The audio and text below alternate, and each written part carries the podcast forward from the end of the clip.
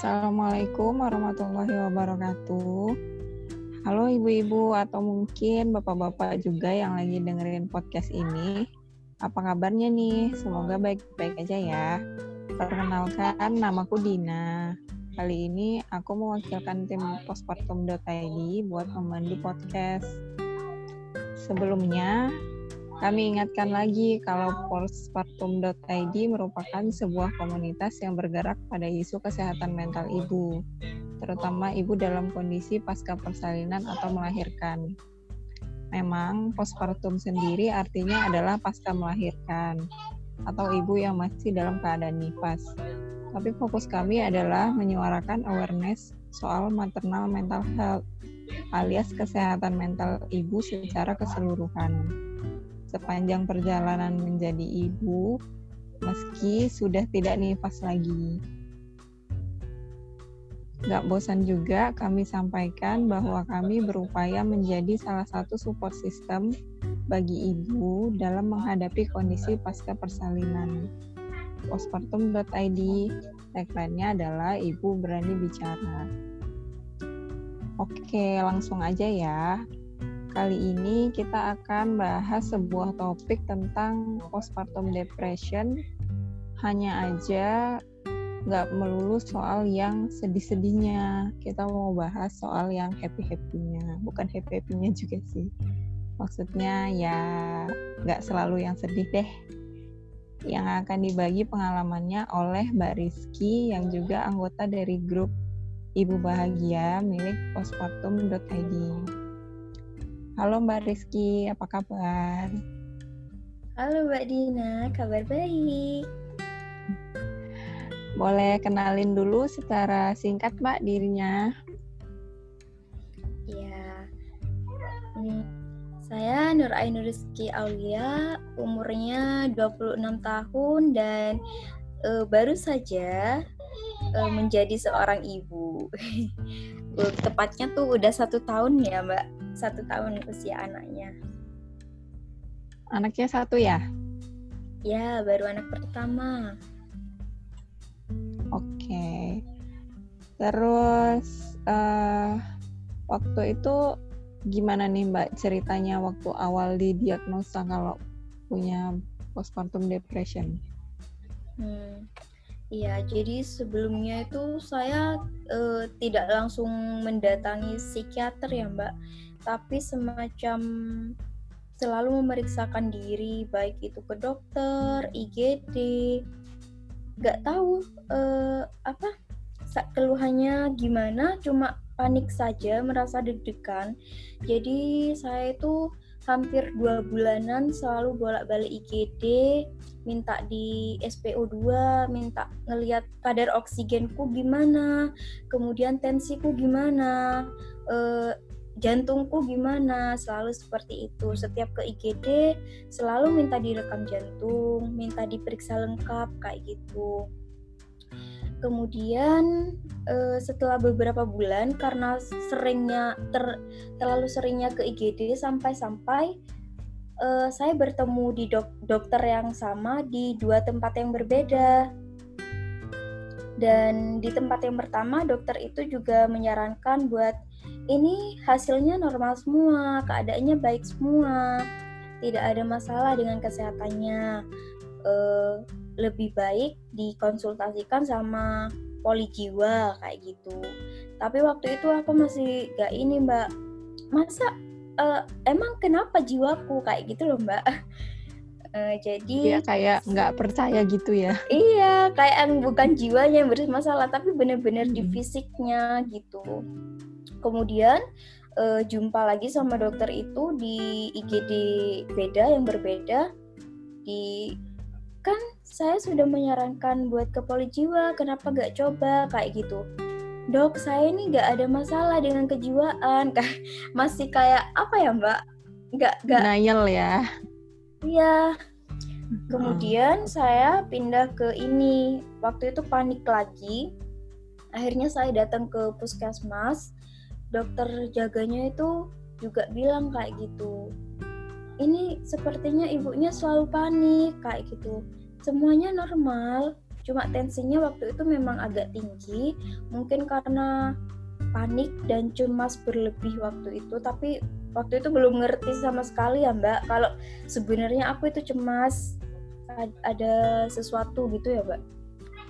Yeah. akhirnya setelah dokter puskesmasnya juga menyarankan buat ke poli jiwa suami juga berusaha maksimal banget waktu itu buat membujuk aku buat mau dibawa ke poli jiwa akhirnya ke poli jiwa uh, kita ngobrol sama psikiater lumayan lama ditanya juga uh, apakah waktu masa kecilnya ada trauma-trauma kayak gitu digali mbak pokoknya dari masa kecil. Akhirnya aku terdiagnosa di situ postpartum depresi dengan anxiety gitu. Itu anak umur berapa mbak? Itu anak umur tiga bulan. Itu aku satu sampai dua bulan itu masih ngasih asi mbak karena meskipun panik gitu masih bisa apa ya mbak bukan seperti ibu yang baby blues gak mau sama anaknya gitu masih iya, iya. mau mm -mm, tapi aku ngasih asi Kemudian setelah ke psikiater, aku baru berhenti stop ASI karena harus pengobatan itu. Itu anakku umur tiga bulan lebih. Tiga bulan lebih, ya sama sih aku juga tiga bulan deh. Iya. Terus waktu itu gimana Mbak perasaannya waktu itu waktu didiagnosa? Ya um, bingung ya Mbak, kenapa aku bisa depresi gitu. Uh, memang apa sih bingung juga tapi kita harus percaya sama diagnosa dokter dokternya juga sudah bilang kan sudah rekam jantung sudah ini sudah rongsen berarti fisiknya memang nggak ada masalah. Berarti masalahnya di mana? Di kejiwaan ya. Ibu percaya kan? Nggak gitu sampai psikiaternya bener-bener apa ya mbak? Mau membantu buat nyadarkan aku kayak gitu. Kalau sekarang Mbak gimana perasaannya?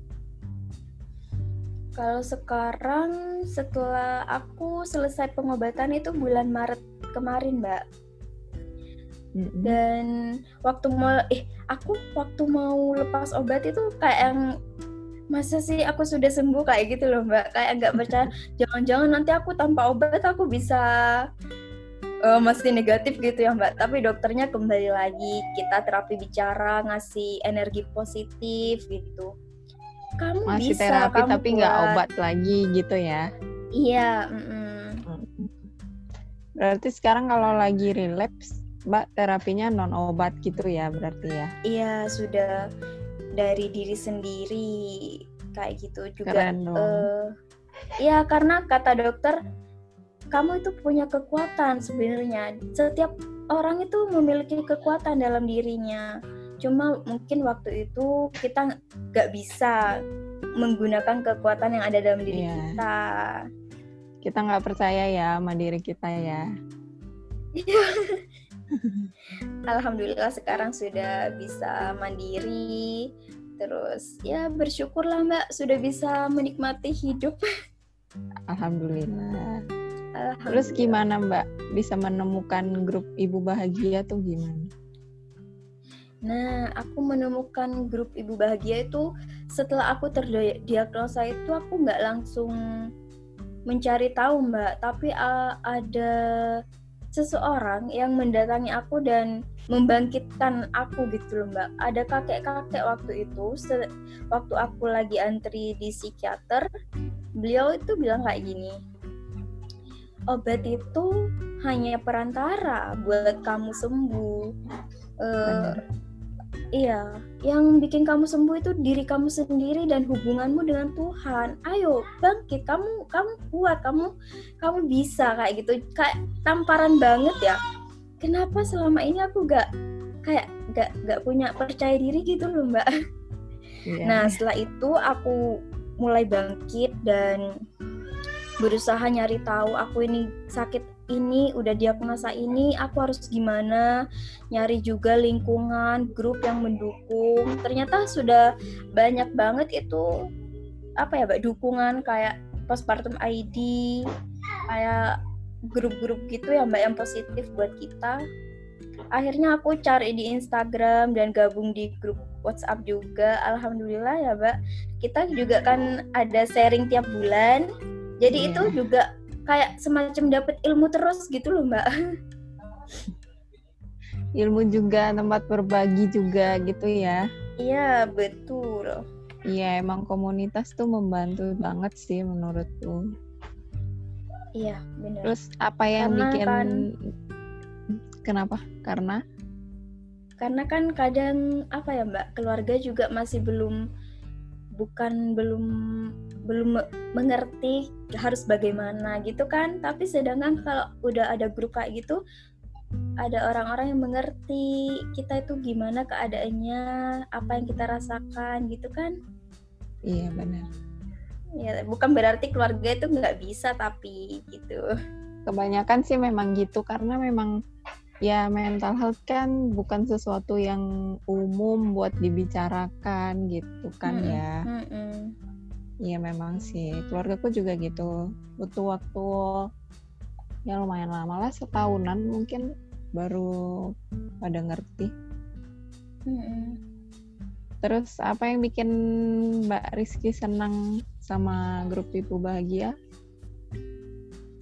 Ya selain setiap bulan selalu dapat ilmu baru lagi baru lagi juga apa merasakan positifnya gitu loh mbak. Kayak orang-orangnya semuanya alhamdulillah selalu memberikan energi positif selalu saling support gitu. Tapi saling support itu bukan berarti selalu membenarkan atau mengiyakan kita. Tapi kayak apa ya mbak?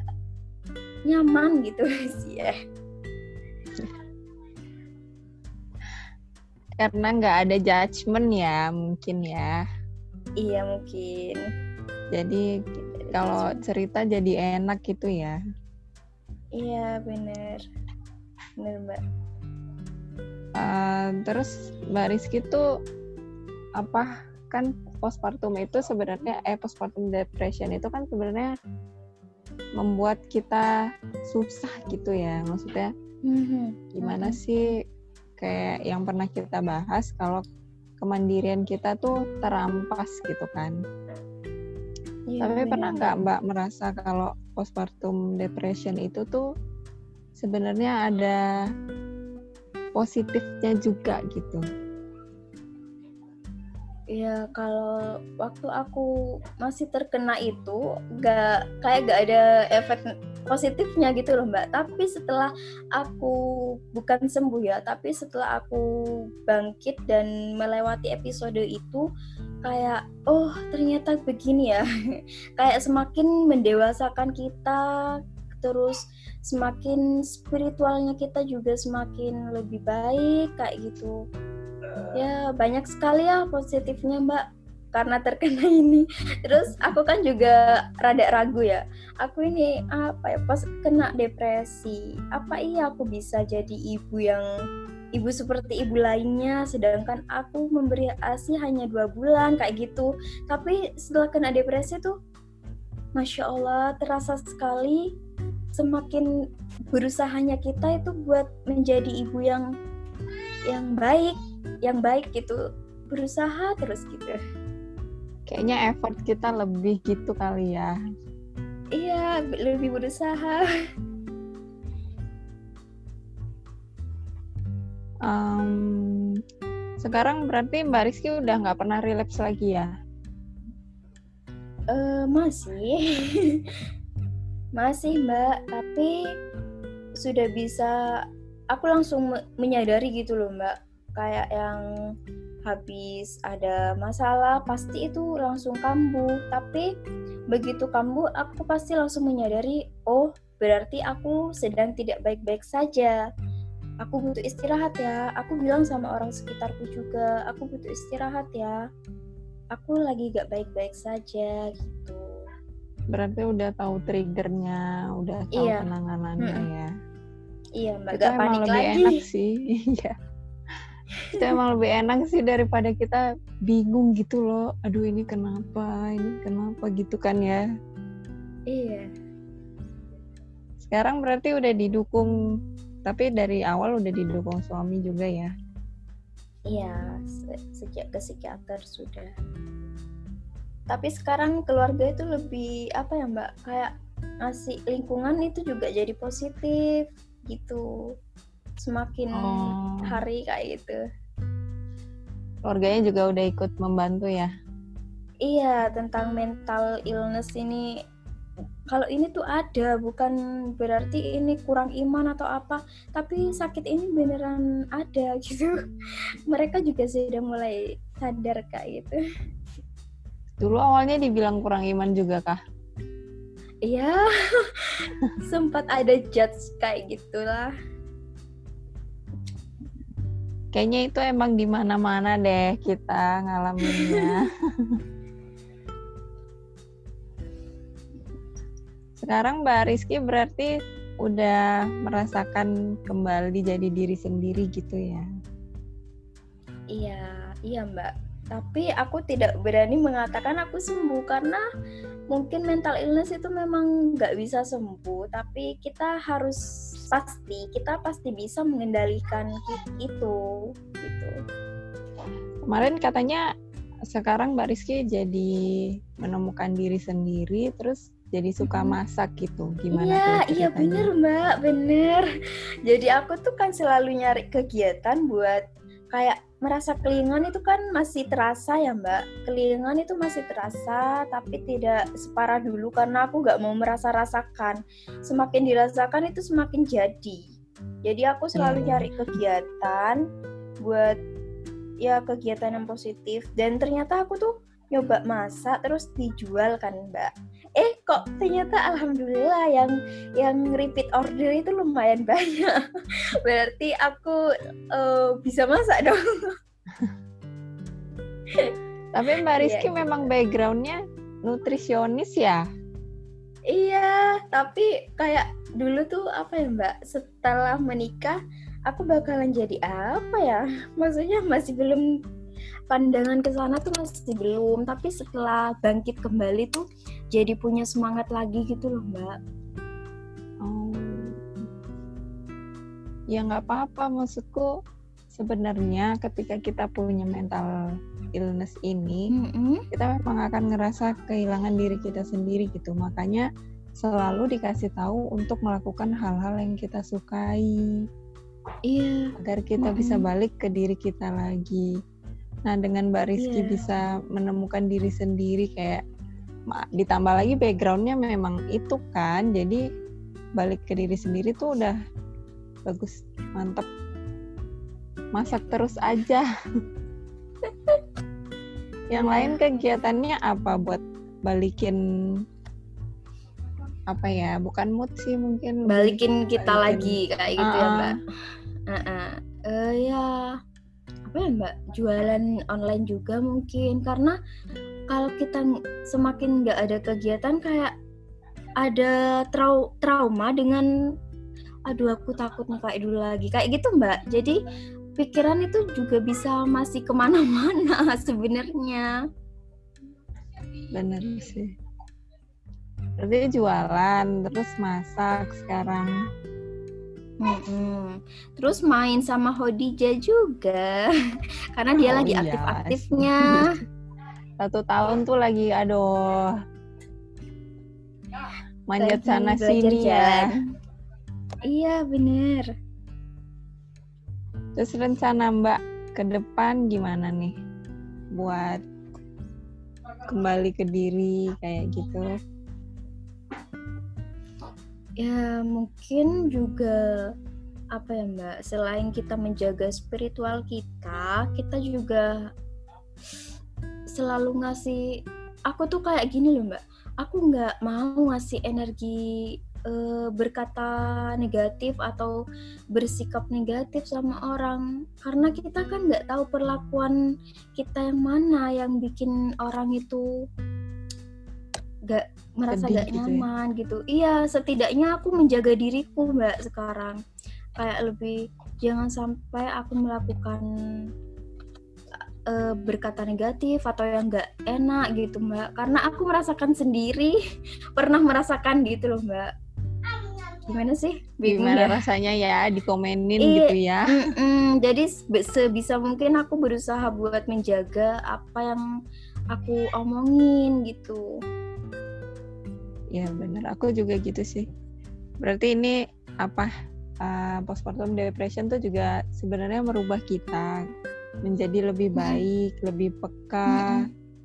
lebih ya, ada betul. empatinya ke orang gitu bener mbak juga mbak Dina tuh pernah ngasih aku gini Kit, uh, apa kalau Mbak Dina pernah ngasih aku bilang itu loh Mbak yang aku bilang Mbak yang kita di Zoom kemarin apa yang mana menyemang kayak semacam menyemangati loh bahwa di dalam diri kita itu sebenarnya kita tuh punya kekuatan gitu mbak jadi semakin tersupport gitu loh Yang mana? Iya, iya waktu di Zoom kemarin. Ada yang inget nggak? Sedih. Uh, pas itu di materinya Mbak Oki kayaknya. Hmm, aku lupa. Pokoknya Soalnya aku memang sering sih, maksudnya kan uh, ya aku juga mengalaminya gitu. Jadi setiap iya. ada orang yang bilang tuh aku pasti uh, selalu ngasih udah nggak apa-apa kita tuh bisa gitu kita tuh bisa ini tuh bukan sesuatu yang harus bikin kita tuh down gitu. Kita tuh tetap bisa kita tetap berjalan yeah, kita tetap yeah. bisa kayak ibu-ibu lain kayak gitu. Makanya iya, aku terus, lupa kalau pernah ngomong apa tapi memang aku pokoknya aku tuh selalu iya pokoknya aku selalu mendapatkan kayak apa ya mbak transferan energi positif dari postpartum kayak mbak Rinda juga. Aku curhat sama mbak Rinda itu mbak Rinda eh, bagaimana sekarang keadaannya? Ditanya kayak gitu aja itu sudah benar-benar kayak diperhatikan gitu. Jadi benar-benar postpartum ID tuh ngasih support juga apa ya bikin nyaman gitu. Iya, soalnya kita memang kita tuh menciptakan support system support system yang buat gimana ya sebenarnya tuh uh, ngobrol sama orang yang memiliki mental illness itu kan tricky ya karena kita juga mengalaminya gitu kan. Gitu ya uh, aku tahu rasanya kalau salah salah ngomong atau salah kasih apa namanya kasih suggestion tuh bisa bahaya gitu. Walaupun niatnya baik tapi kadang penyampaiannya tidak baik gitu kan. Iya. makanya Jadi kita bisa lebih berhati-hati ya mbak?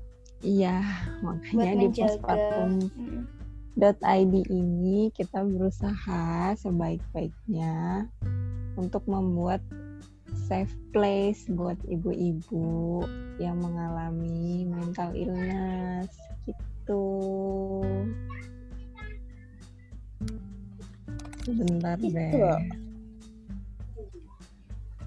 Nah nih terakhir nih dari Mbak Rizky kira-kira ada pesan apa yang mau disampaikan? Hmm, Pada buat teman-teman ya? Iya, buat mungkin ibu-ibu yang mengalami hal yang sama seperti Mbak Rizky, seperti hmm. aku juga. Ya, pokoknya kita itu harus menyadari buat ibu-ibu yang kena mental illness kalau kita itu memiliki kekuatan mungkin memang diri kita itu nggak tahu. Tapi pastilah kekuatan itu bakalan benar-benar berguna nanti buat kita. Dan buat yang masih berjuang dengan mental illness pasti ada sesuatu yang luar biasa yang sudah Allah siapkan buat kita semua setelah kita berhasil melewati episode ini kayak gitu. Jadi pastilah ada hal baik di balik ini. Gitu aja, Mbak. Benar berarti ibu-ibu yang memiliki masalah mental bukan berarti nggak bisa happy ya, Mbak? Ya, bener. Ya kan, kita tetap bisa happy, kita tetap bisa jadi ibu yang baik buat anak kita, kita tetap bisa jadi teman yang baik buat teman-teman kita, kita tetap bisa ya. apa ya bahasanya tuh kayak seperti biasa mungkin hanya aja mungkin kita punya beberapa hari di mana kita butuh sendiri gitu ya. Iya. Untuk mengembalikan energi positif kita yang tadinya hilang entah ke mana itu. Nanti dia akan balik lagi. Gitu kan ya mm, menjadi energi positif yang lebih luar biasa lagi. Iya benar. Terima kasih ya Mbak Rizky, ceritanya menginspirasi banget. Sama-sama. Saatnya Saatnya podcast kali ini diakhiri dengan manis ya, ibu-ibu. Akhir kata, aku Dina undur diri dulu dari podcast episode kali ini. Sampai jumpa di podcast selanjutnya. Assalamualaikum warahmatullahi wabarakatuh. Bye.